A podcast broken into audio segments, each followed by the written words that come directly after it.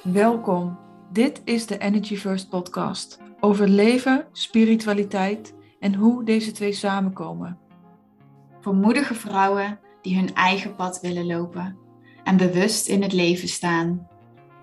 Voor visionairs die meer vervulling, plezier en leiderschap willen over hun leven vanuit hun unieke energie. Omdat jij weet wie je bent en wat voor jou klopt. Wij zijn Derdere en Suzanne.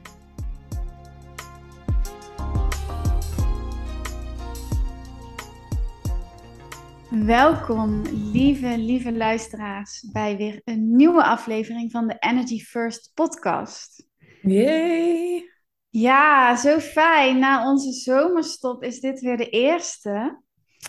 En ehm, buiten dat wij heerlijk hebben genoten van uh, een hele fijne zomer, hebben wij ook wel de tijd en de ruimte genomen om te voelen en na te denken en samen te kijken van oké, waar willen we nou eigenlijk heen met de podcast?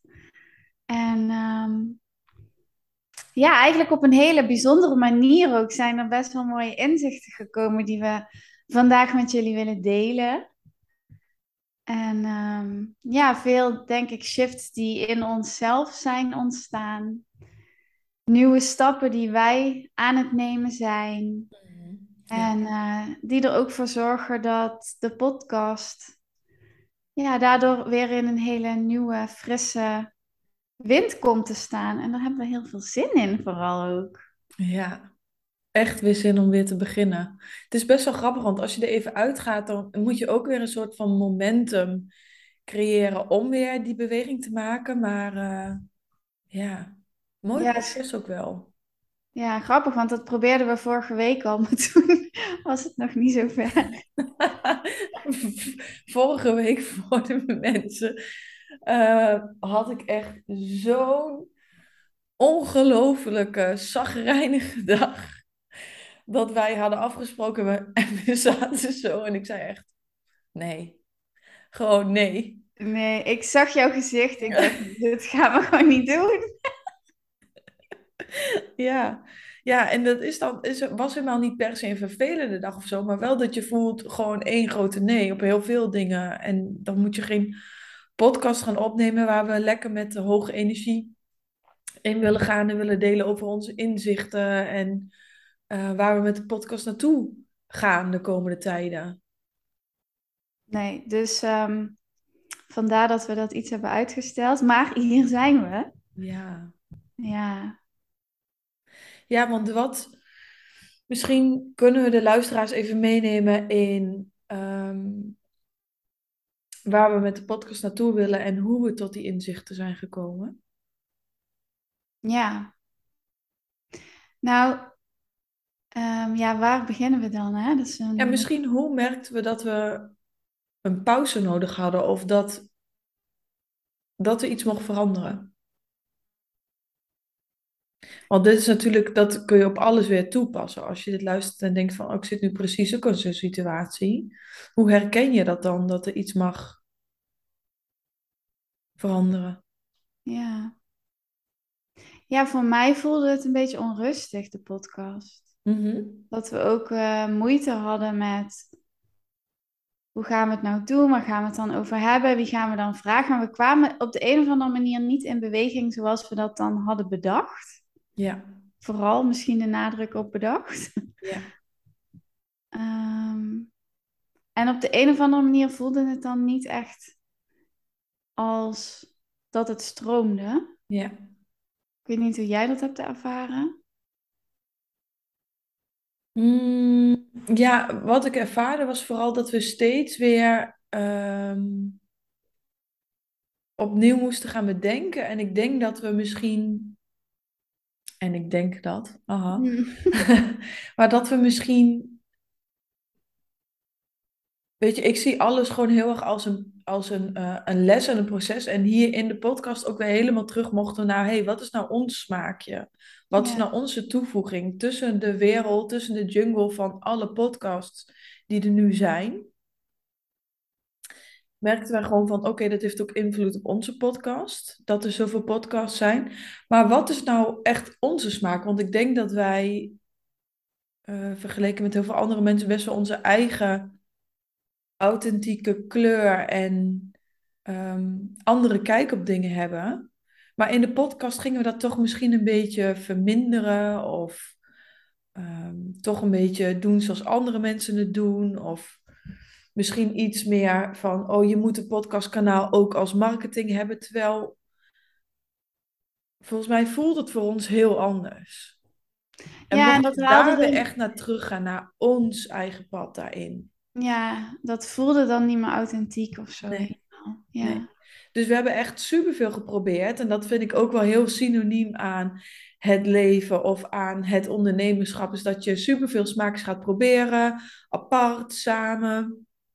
Meer marketinggericht, meer dit of dat. En uiteindelijk kom je bij, hé, hey, maar dit voelt zuiver.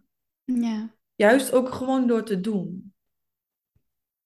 Ja, dat toch in die beweging blijven, ja. ga je dan wel ervaren. Ja. En ik vind het wel leuk, want als ik er nu op terugkijk, dan als wij samen zijn, dan kletsen wij honderd uit en dan hebben we goede, diepgaande gesprekken. We kunnen lachen, we kunnen huilen, weet je wel. Ja. En dan ging die microfoon aan en dan veranderde er iets. Ja, werd het een beetje misschien te serieus. Ja, dus dat was voor ons ook wel een hele grote shift in, oké, laten we dat proberen los te laten, want het is dus niet zo serieus. Ja. ja, want ik denk even terug aan, uh, wanneer zagen we, was niet vorige week, die week daarvoor? Ja. Volgens mij zagen we elkaar om tien uur en die dag daarna om weet ik veel hoe laat, vijf uur of zo. Toen waren we nog niet uitgepraat. Um, en het ging echt over hele mooie stukken, ook over onze ouders hebben we hele mooie gesprekken gehad. Ja. Laten we daar gewoon over praten, over de echte dingen in de echte levens. En ehm, in heel veel podcasts wordt er bijvoorbeeld gesproken over, hey, dan, heb je een interview, of hoe je gastspreker, hoe je het ook maar wil noemen, van hoe ben je hier nu gekomen? Maar het lijkt ons juist heel leuk om te hebben over, hey, wat zijn je lessen nu? Waar ben je nu? Dus ja, en wat verleden of toekomst, maar veel meer nu. Ja, en ook je visie daarop en hoe dat zich uit in je leven. Hè? Dus veel, uh, veel dichter bij jezelf houden misschien ook wel. Ja. Ja, en ook het stukje. Ehm, ik denk dat wij ook best wel een, eh, allebei een reis hebben doorgemaakt op het onderwerp spiritualiteit en wat dat nou voor ons betekent. En dat wij ook daar allebei in eh, de neiging hebben om daar te serieus in te worden, terwijl ja, de, het meest spirituele practice die er bestaat is het leven. Ja. En vooral daar luchtig in staan en van genieten. Ja. Ja. Ja, misschien nog wel mooi. Ik las net een stukje uit een boek voor wat ik vanochtend uh, weer pakte. Het gebeurt natuurlijk ook niet zo, maar trouwens echt een aanrader. Je hebt hem nog nooit gelezen, hè? Nee, ik heb hem op mijn lijstje staan. Ja, het boek heet namelijk Pussy, A Reclamation van Regina Thomas Sauer. Ehm, volgens mij is zij ook een hele leuke Instagram. Mama Gina heet het volgens mij. Hmm. Dat is echt heel echt sensueel, seksueel hoor. Dus het boek heet ook Pussy, maar er staan echt zulke mooie dingen in. En ehm, de zin die ik vanochtend had gemarkeerd is: And rather than assumed division between spirit and matter, these cultures believed that there was spirit in matter. Holiness was everywhere, and everything and everyone was holy. En ik heb ook het idee dat we daar steeds meer naar terug aan het gaan zijn. Binnen spiritualiteit. Dus eerst ben je heel erg zoekende.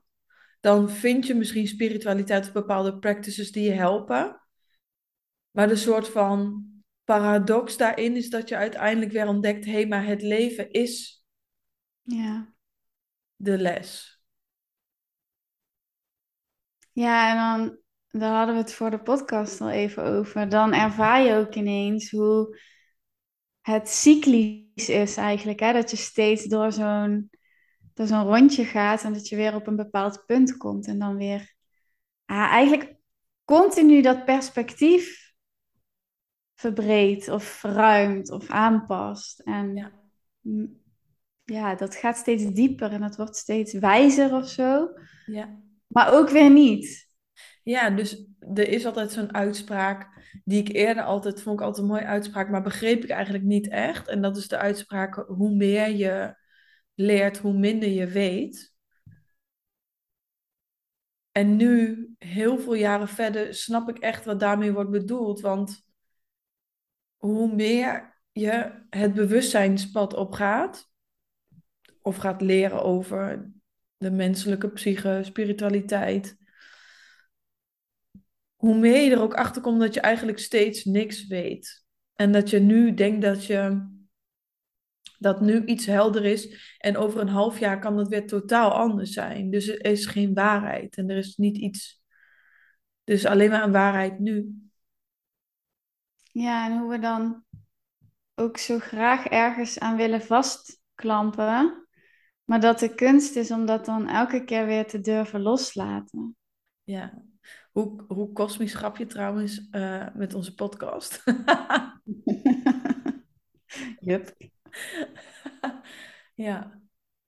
Ja, dus dat was een. Uh...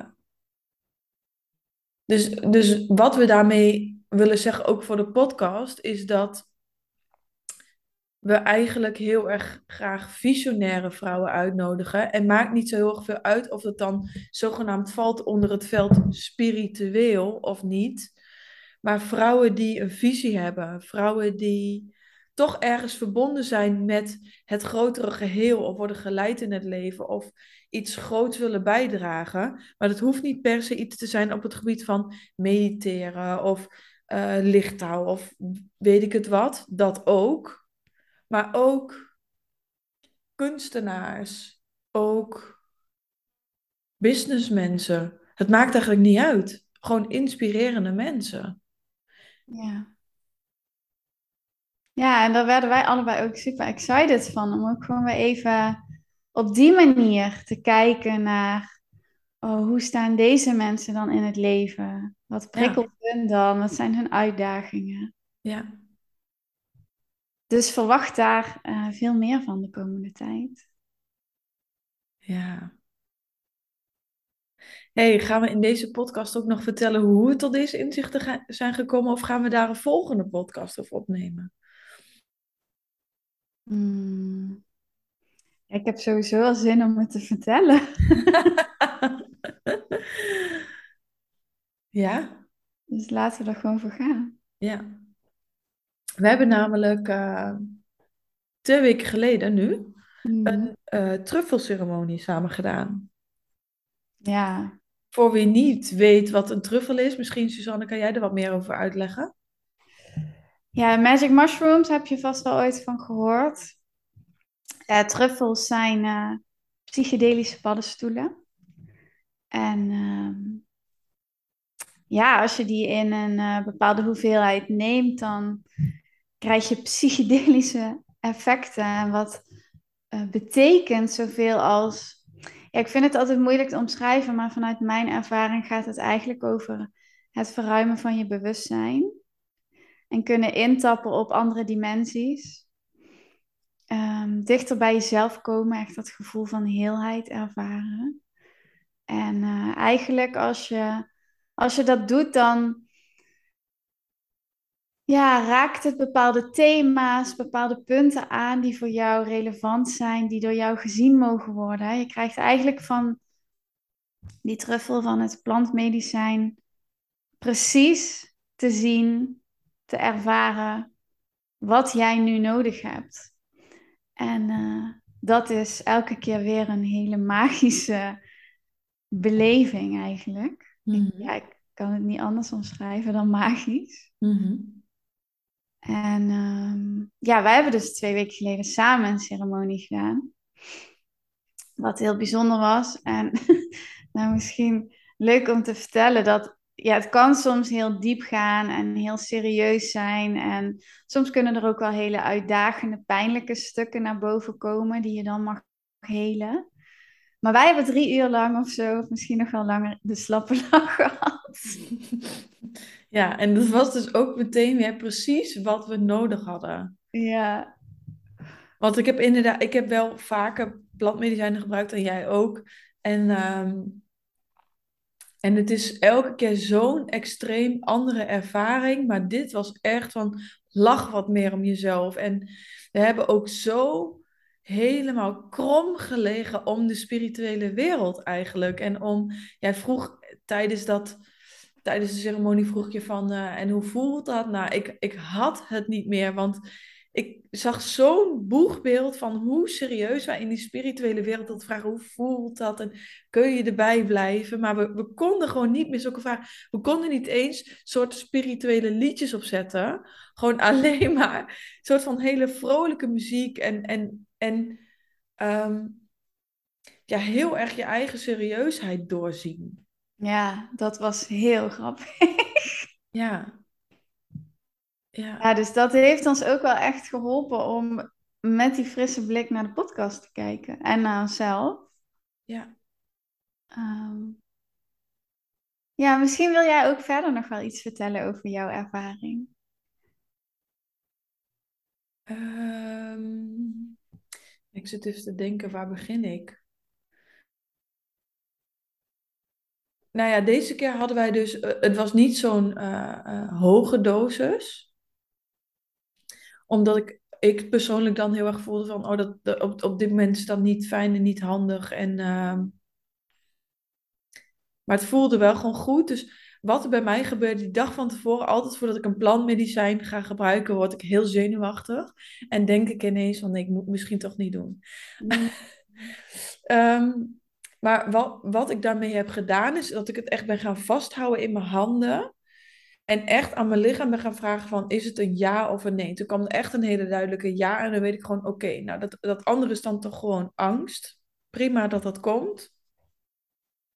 Maar het is gewoon een ja. Dus, dus dan kan ik ook vertrouwen dat dat op dit moment gewoon helemaal klopt. Ehm, En ik weet eigenlijk helemaal niet meer helemaal precies, omdat die tijdlijnen natuurlijk heel raar door elkaar heen lopen. Hmm. Ehm, maar wat me met name twee dingen die me heel erg zijn bijgebleven, is inderdaad, lach gewoon is wat meer. Of ja, eh, ik lach al heel veel, maar dat klopt gewoon zo erg dat je op dat pad zit om het minder serieus te maken.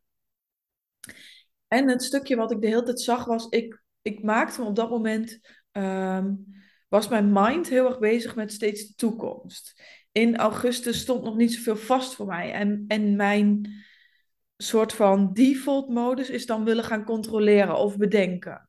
Hmm.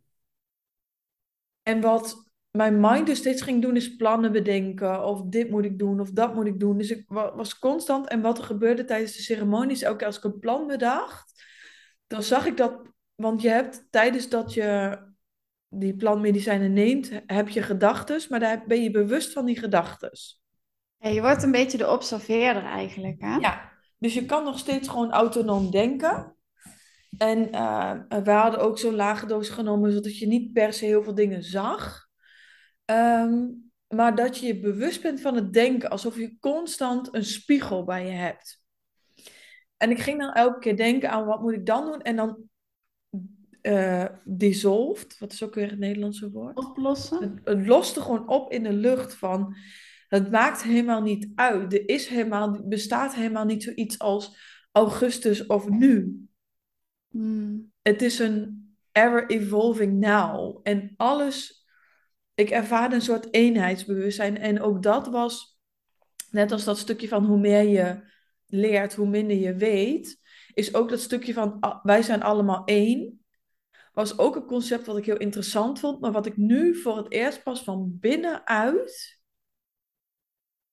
een eerste soort puzzelstukje opkreeg, noem ik het maar. Want Hmm. ik denk dat onze mind nooit het begrip eenheidsbewustzijn volledig Kan bevatten. Kan bevatten. Misschien als je een bepaalde eenheidservaring hebt waar mensen het wel eens over hebben. Ehm, ik heb ook een andere podcast met Janneke ooit opgenomen. En zij heeft dat een hele tijd gehad, een, een eenheidservaring. Maar voor de meeste mensen gebeurt dat niet per se in het leven en is je mind er toch nog wel een beetje bij. Ehm, maar dat ik letterlijk gewoon ervaarde dat er geen verschil was tussen de lucht om mij heen, mijn lichaam en mijn gedachten. En ik kan het hier niet beter uitleggen dan dat. Ik weet niet of jij daar andere woorden voor hebt. Maar Hmm. wat het doet, uiteindelijk is dat het je heel veel in, in, in interne rust geeft. Omdat je het een soort van weet, hebt gezien, hebt gevoeld. En ik heb nu ook niet meer de behoefte, zeg maar, om het dan te begrijpen. Ja, het is gewoon goed zo. Ja. Ja. Ja, ik... Ja, je probeert het dan toch in woorden te omschrijven, hè? Maar als ik dat dan zou doen, dan... Voor mij voelt het een beetje als... Als je dan in zo'n reis zit, dan opent eigenlijk jouw verticale kanaal. En dan kan je dus binnen al die lagen waarnemen, ervaren. Dus eigenlijk andere dimensies. Terwijl nu, het is gewoon maandagochtend, is dat helemaal, kan je niet meer die diepte in. En ergens kan ik de herinnering oproepen dat we daar zijn geweest, maar het is moeilijk om het op dat niveau te voelen. Mm. Ja, nou, dit kan ik wel nog op dat niveau voelen. Ja, Ken je het verschil tussen een droom die je bent vergeten en waar je nog over kan denken, en ja, een droom die je nog kan voelen? ja, Ik kan deze nog voelen. ja. Ja, ik kan het ook voelen, maar het is veel moeilijker om daar te komen. Dan moet ik veel meer moeite voor doen. Maar misschien heb jij dat anders. Mm. Ja, maar dit is niet zo. Hmm. En wat ik ook gewoon heel erg heb ervaren is dat voordat wij de ceremonie ingingen, had ik best wel lichamelijke spanning, omdat ik dus eigenlijk zo met die toekomst bezig was. En, en die spanning is niet weer teruggekomen. Het is nu twee weken later en het voelt nog steeds heel ontspannen in mijn lichaam, maar ik voel me ook heel ontspannen in mijn mind. Ja, En die dag daarna gingen wij naar een kringloop en ontdekte ik ook ehm, daar weer een boek. Het is best wel grappig, want ik heb dus echt jarenlang bijna geen boeken meer gelezen, omdat ik soort van boeken klaar was of zo, of kennisvol. vol. Ja. En ehm, nu ben ik allemaal weer boeken aan het lezen. En het boek wat ik dus vond was Een nieuw gesprek met God. Hmm. Ik denk dat veel mensen wel kennen, een on, on, hoe heet het ook alweer? Een ongewoon gesprek met God. Dat is echt zo'n bestseller. En dit is soort van het, ge- het eh, vervolg daarop.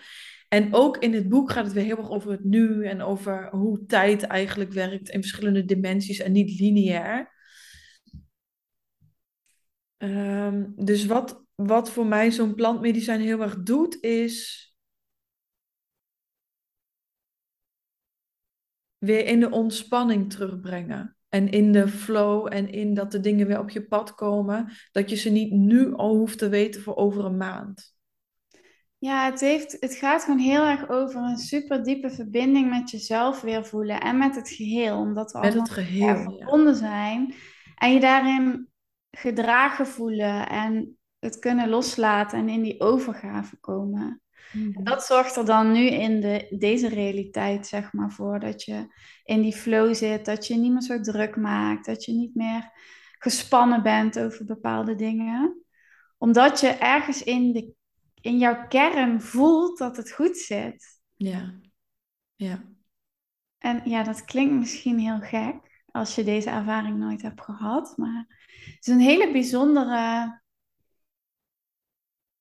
ja, dat vertrouwen op deze manier heb ik nooit ergens anders gevoeld. Mhm.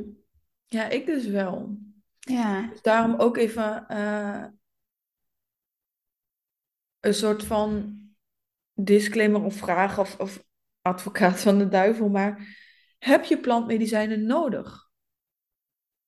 nee, ik denk het niet. Want ik, ik denk echt dat het niet voor iedereen is. En dat ik heb zeker zulke staten van bewustzijn ehm, toegang tot gekregen zonder eh, plantmedicijnen. Dus in bepaalde meditaties of in Mhm. bepaalde sessies. Ja, Alleen, ik zie een plantmedicijn heel erg zo als in je kan tien sessies hebben met een psycholoog of wat dan ook. Of je kan één zo'n sessie doen waarin het bijna is alsof je die therapeut inslikt. Ja, mooie omschrijving. Ja. Ehm, dus dan wordt het niet meer van buitenaf dat je iets probeert te grijpen, net als die begrippen waar ik het net over had. Ja. Van binnenuit, ja, je haalt het uit jezelf uiteindelijk. ja, En dat is heel krachtig, denk ik, dat je op zo'n manier kan openstellen dat je daarbij kan. En een disclaimer, gewoon echt, weet je wel, wij hebben echt, wij doen heel veel energetisch werk. We hebben genoeg tools om jezelf op te vangen nadat je zo'n grote bewustzijnsverruiming hebt gekregen. Ja. Want ik weet nog Oh, heel ja. erg goed mijn eerste ervaring met een plantmedicijn. Ik wil, ik denk echt dat het anderhalf jaar heeft geduurd voordat die inzichten met ease zijn geland in mijn systeem. Want dat was echt het openklappen van mijn bewustzijn met zoveel inzichten dat dat er bijna niet in paste en dat het eerst echt angst heeft veroorzaakt. Ja, die begeleiding daarin is heel belangrijk, hè, als je daar geen ervaring in hebt. Ja, En een, een, een, ik denk daarin ook, hè, weet met wie je dit doet, weet waar je dit doet. Zorg dat het een veilige omgeving is waar jij je ook echt helemaal kan ontspannen en in vertrouwen bent met ja, wie je bij je hebt. Dat is zo belangrijk, want er kan heel veel omhoog komen. ja, echt heel veel. Dit was echt. ehm, is het leuk om daar nog iets over te vertellen? Of, of, of goed? Ja, natuurlijk. Ik heb mijn eerste plantmedicijnceremonie gedaan waarin ik ehm, hele hoge intentie had gezet over dat ik wilde weten waar mijn leven over ging. En daar kreeg ik ook allemaal antwoorden op. Maar dat was zo groot. De eerste maand na de plantmedicijnceremonie was ik nog een soort van helemaal in die vibes. En kon ik nog helemaal in die ontspanning daarin. En heb ik een tatoeage op mijn borst eh, laten tatoeëren, ceremonieel. Met dezelfde muziek op als tijdens de ceremonie. Mm. En het klopte ook allemaal. Het, het klopt zo erg. Deze tatoeage klopt zo erg. Maar het moment dat ik thuis kwam na die tatoeage zetten, heb ik echt de allerergste angsten en de allergrootste trigger in de afgelopen tien jaar nog weer meegemaakt, zeg maar. Oh ja. Zo'n angsten kwamen er omhoog over. ehm, het is een tatoeage van een aardlijn, is helemaal niet eh, groot. En het gaat, het, hij staat op een hartchakra. Dus het gaat echt over in je kracht gaan staan. En de adelaar is niet zomaar een kracht. De adelaar is echt een grootse kracht. En ik heb altijd al geweten dat ik met een soort grootse missie kwam. Over vrouwelijkheid, er staat een maan bij. Over zichtbaarheid, want daar staat op mijn hart. Het was de bedoeling dat hij iets lager kwam en dat ik hem kon verbergen. Maar het moest allemaal precies zo zijn. Maar ik heb echt een soort van echt doodsangsten doorstaan over zichtbaar worden. Mm, dat raakt dan zoveel thema's nog daarna dus. Ja. Ja, het raakte zoveel thema's daarna. En ook over controle loslaten. Dus eh, met een eetstoornis in mijn verleden is controle echt mijn eh, go-to default modus. Zeg maar, mijn go-to overlevingsstrategie is controle. Ja. Zo heeft iedereen een eigen ding waar je makkelijk op terugvalt. En ehm, in die ceremonie, elke keer als ik een vraag stelde, kreeg ik alleen maar een oude wijze vrouw die op mijn, tussen mijn ogen drukte en zei: Je hoeft het niet te weten. En alles verdween weer. En, en de eerste maand daarna was dat super fijn, maar daarna dacht ik: Ja, je hoeft het niet te weten. Mijn mind werd helemaal gek. Die wil helemaal weer in die controle. Ja. Ja. Dus het was, er kwamen echt letterlijk doodsangsten voorbij, die dus zo diep in mijn familiesysteem, in mij, in vorige levens, allemaal omhoog kwamen. Dus het was echt niet, echt niet per se heel erg leuk hoor. Nee, dat is misschien ook wel een goede disclaimer dat ehm, psychedelica ook een beetje in de hè, plantmedicijnen, in de hoek van recreatieve drugs uh, worden neergezet. En dat dat allemaal heel leuk en ja, spannend en exciting is. Maar als je, hè, wat jij nu ook vertelt. Nou, ik denk wel dat er een heel groot verschil is tussen uh, recreatief en ceremonieel gebruiken, net als cacao.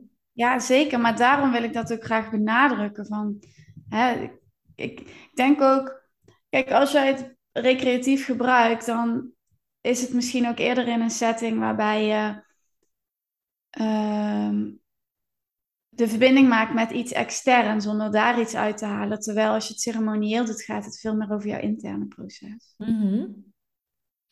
Nou, en ik denk wel dat de intentie ook maakt wat je krijgt. Ja, zeker. Intentie is super waardevol dus en belangrijk. Je hoeft zulke diepe inzichten te krijgen. En wij hebben dus onze laatste ceremonie um, daar ook heel erg om kunnen lachen dat het helemaal niet moet. Dat soms de inzichten zitten in, in, in het helemaal niet zo diepe. Tussen haakjes, want dat is weer hoe wij het als mensen bestempelen. Dat lachen niet zo diep is. En helemaal van binnen en inzichten over je missie is dan diep. Is dat waar? Ja. Want dus een hele blije ceremonie en heel erg lachen om jezelf kan evenveel consequenties hebben, omdat je daarna echt ineens denkt: auw, hoe serieus doe ik? Ja, heel. ja, volgens mij heb jij dat ook wel ervaren, toch? Want kun je wat vertellen over jouw ervaring? Ja, ik, uh... ik merkte heel erg dat ik inderdaad zo werd uitgenodigd om te lachen. Het voelde ook bijna alsof uh, al het lachen wat ik afgelopen jaar niet heb gedaan, er in één keer uitkwam. ja. zo. Ja. Uh, ik ben ook gewoon best wel serieus met de dingen waar ik mee bezig ben. Ja. Ik wil niet zeggen dat ik nooit lach, maar um, ja, daar wilde wel echt ruimte komen van hé, hey, laat het ook een beetje gaan, laat het vieren of zo. En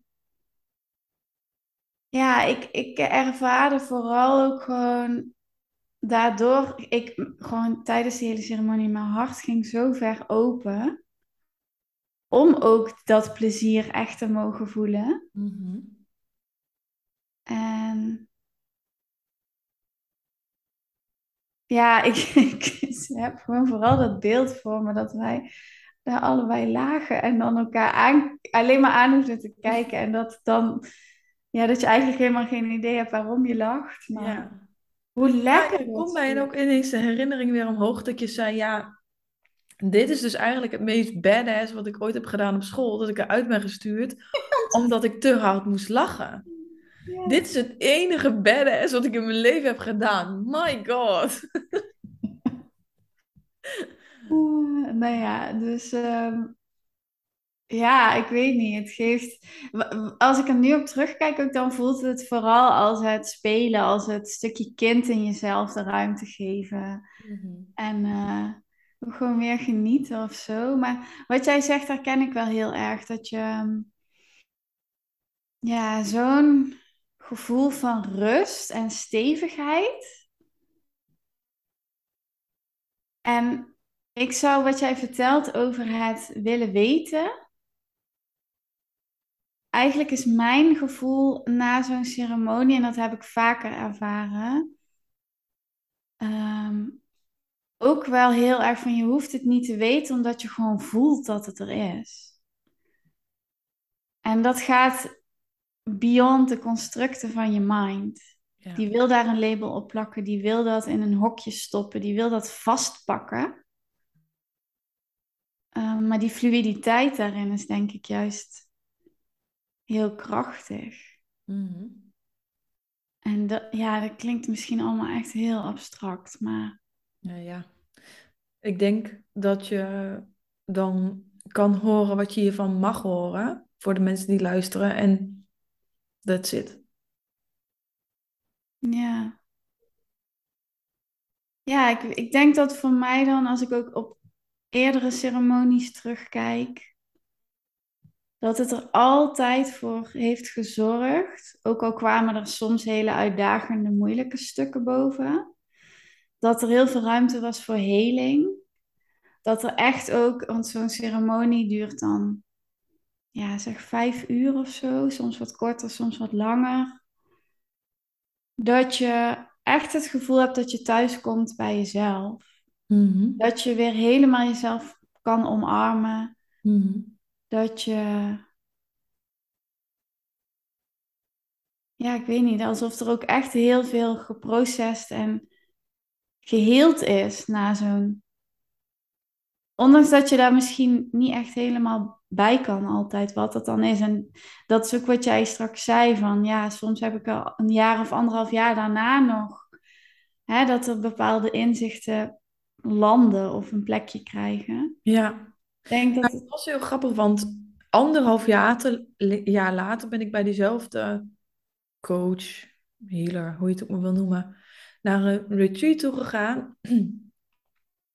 Daar was weer een plantmedicijnceremonie. Mhm. En aan het einde hoorde ik eh, The Eagle has landed. Maar nou, dat is echt heel soort van, ja, sowieso hoor ik altijd hele grappige dingen als ik, eh, als ik dingen helder hoor. Maar dat is die eagle op mijn borst. ja, hoe grappig is dat? En echt, toen voelde ik pas die stevigheid in de missie die ik anderhalf jaar daarvoor heb gevoeld. En ik, wat er toen gewoon heel erg gebeurde, is dat ik wilde dat het er nu al was. Ja. Ja, en daar dus van los kunnen komen. Ja, dus je krijgt ook een soort flits naar de toekomst toe. Kan je hebben. En kun je daar dan in ontspannen dat dat hoe dan ook naar je toe komt. En je weet niet op welke manier.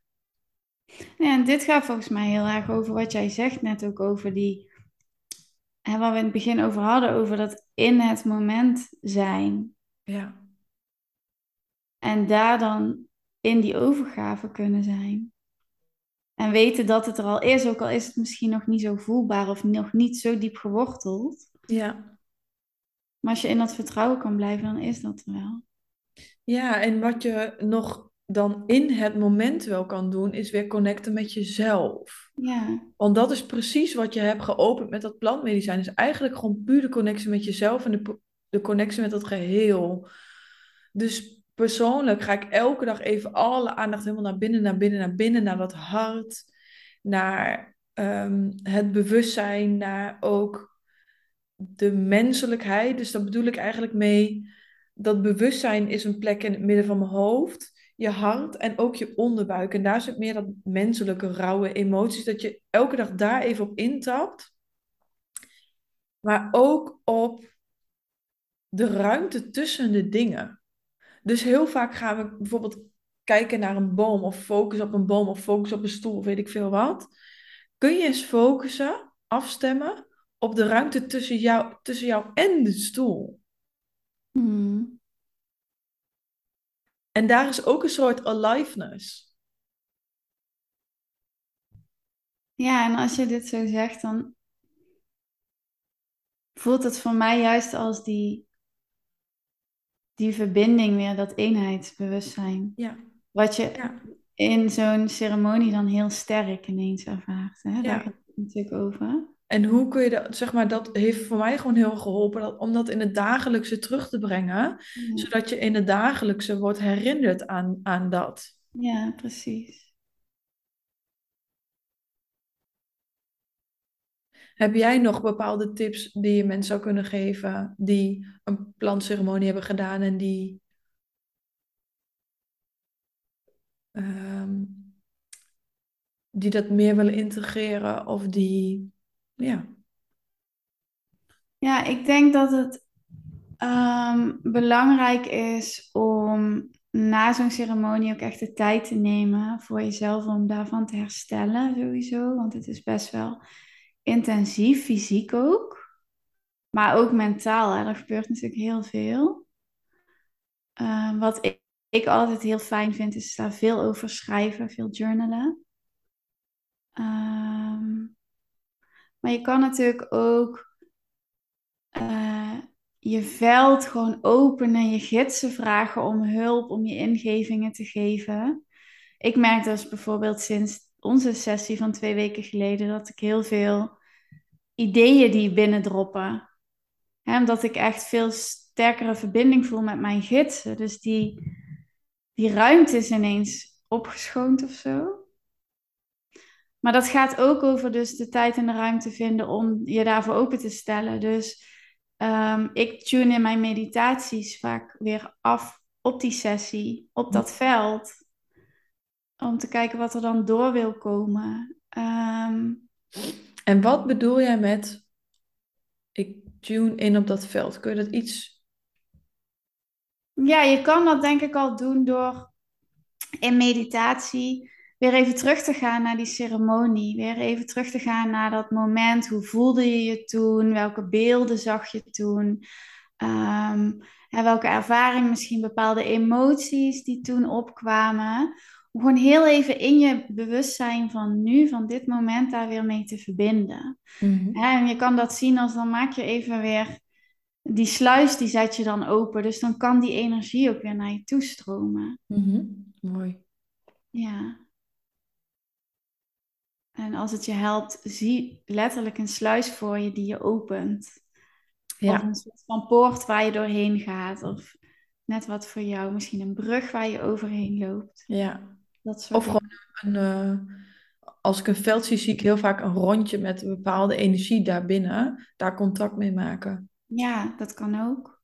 Dat je die vorm dan ziet en daarmee verbindt. Er zijn heel veel manieren. Dus denk ik, voor jezelf uitvogelen wat voor jou het beste werkt. Wat, waar jij de meeste affiniteit mee hebt. Dat is, dat is goed, dat werkt altijd. Ja, precies. Ja. Ja, en ik denk ook dat het belangrijk is om het tijd te geven. We denken dan, oh, het is een quick fix. Ik ga even zo'n ceremonie doen en dan ineens heb ik alle antwoorden en inzichten. Maar dat heeft gewoon tijd nodig. Ja. Je krijgt een soort van alle antwoorden en inzichten, maar dat integreren, dat heeft tijd nodig. Ja, om een plekje te vinden. Niet per se, je krijgt wat je nodig hebt, niet per se wat je wil. Ja, dat is een hele belangrijke. Om je te realiseren. Ja, want ik denk, hoe wij erin gingen, was voor inzicht op de podcast. En, en, we hadden heel serieus intenties gezet. En helemaal met Palo Santo en kaarten. En, en uh, een soort um, altaar. en wat we kregen was drie uur lang bijna in de broek plassen. Om, om spiritualiteit. Ja. Hoe, hoe, die nu, hoe die nu wordt bestempeld dan, hè? Ja. Ja. En, en dan kun je daarin meegaan en de dingen eruit halen en met zoveel liefde terugkijken. Of je kan denken, ja, maar ik wil de inzichten. Ja, maar volgende keer moeten we meer doen. Volgende, ja. Ja, maar dit is precies, dan ga je eigenlijk dus tegen die energie. Want ik, alleen al hoe jij het zegt, voel ik de weerstand daarin. Ja, ja. Ja. En dan ik, je... ik vond het echt geweldig. Ik denk toch, ja, dit mag toch ook het leven zijn. En net als hoe wij vanochtend we hadden al een uur voordat we de podcast gingen opnemen, uh, hadden we al afgesproken. En eerder vond ik dat dan misschien lastig dat we tijd nodig hadden om in te tunen. Mm. Terwijl vandaag heb ik dat uur heel erg genoten, juist van samen met het veld van Energy First, juist het kletsen. Is dat dan, is dat dan minder waardevol omdat je een doel hebt gezet van die podcast opnemen? Ja, ik, ja, ik denk dat het juist heel waardevol is. Ja. Dat we iets meer mogen focussen ook op dat proces in plaats van dat doel per se.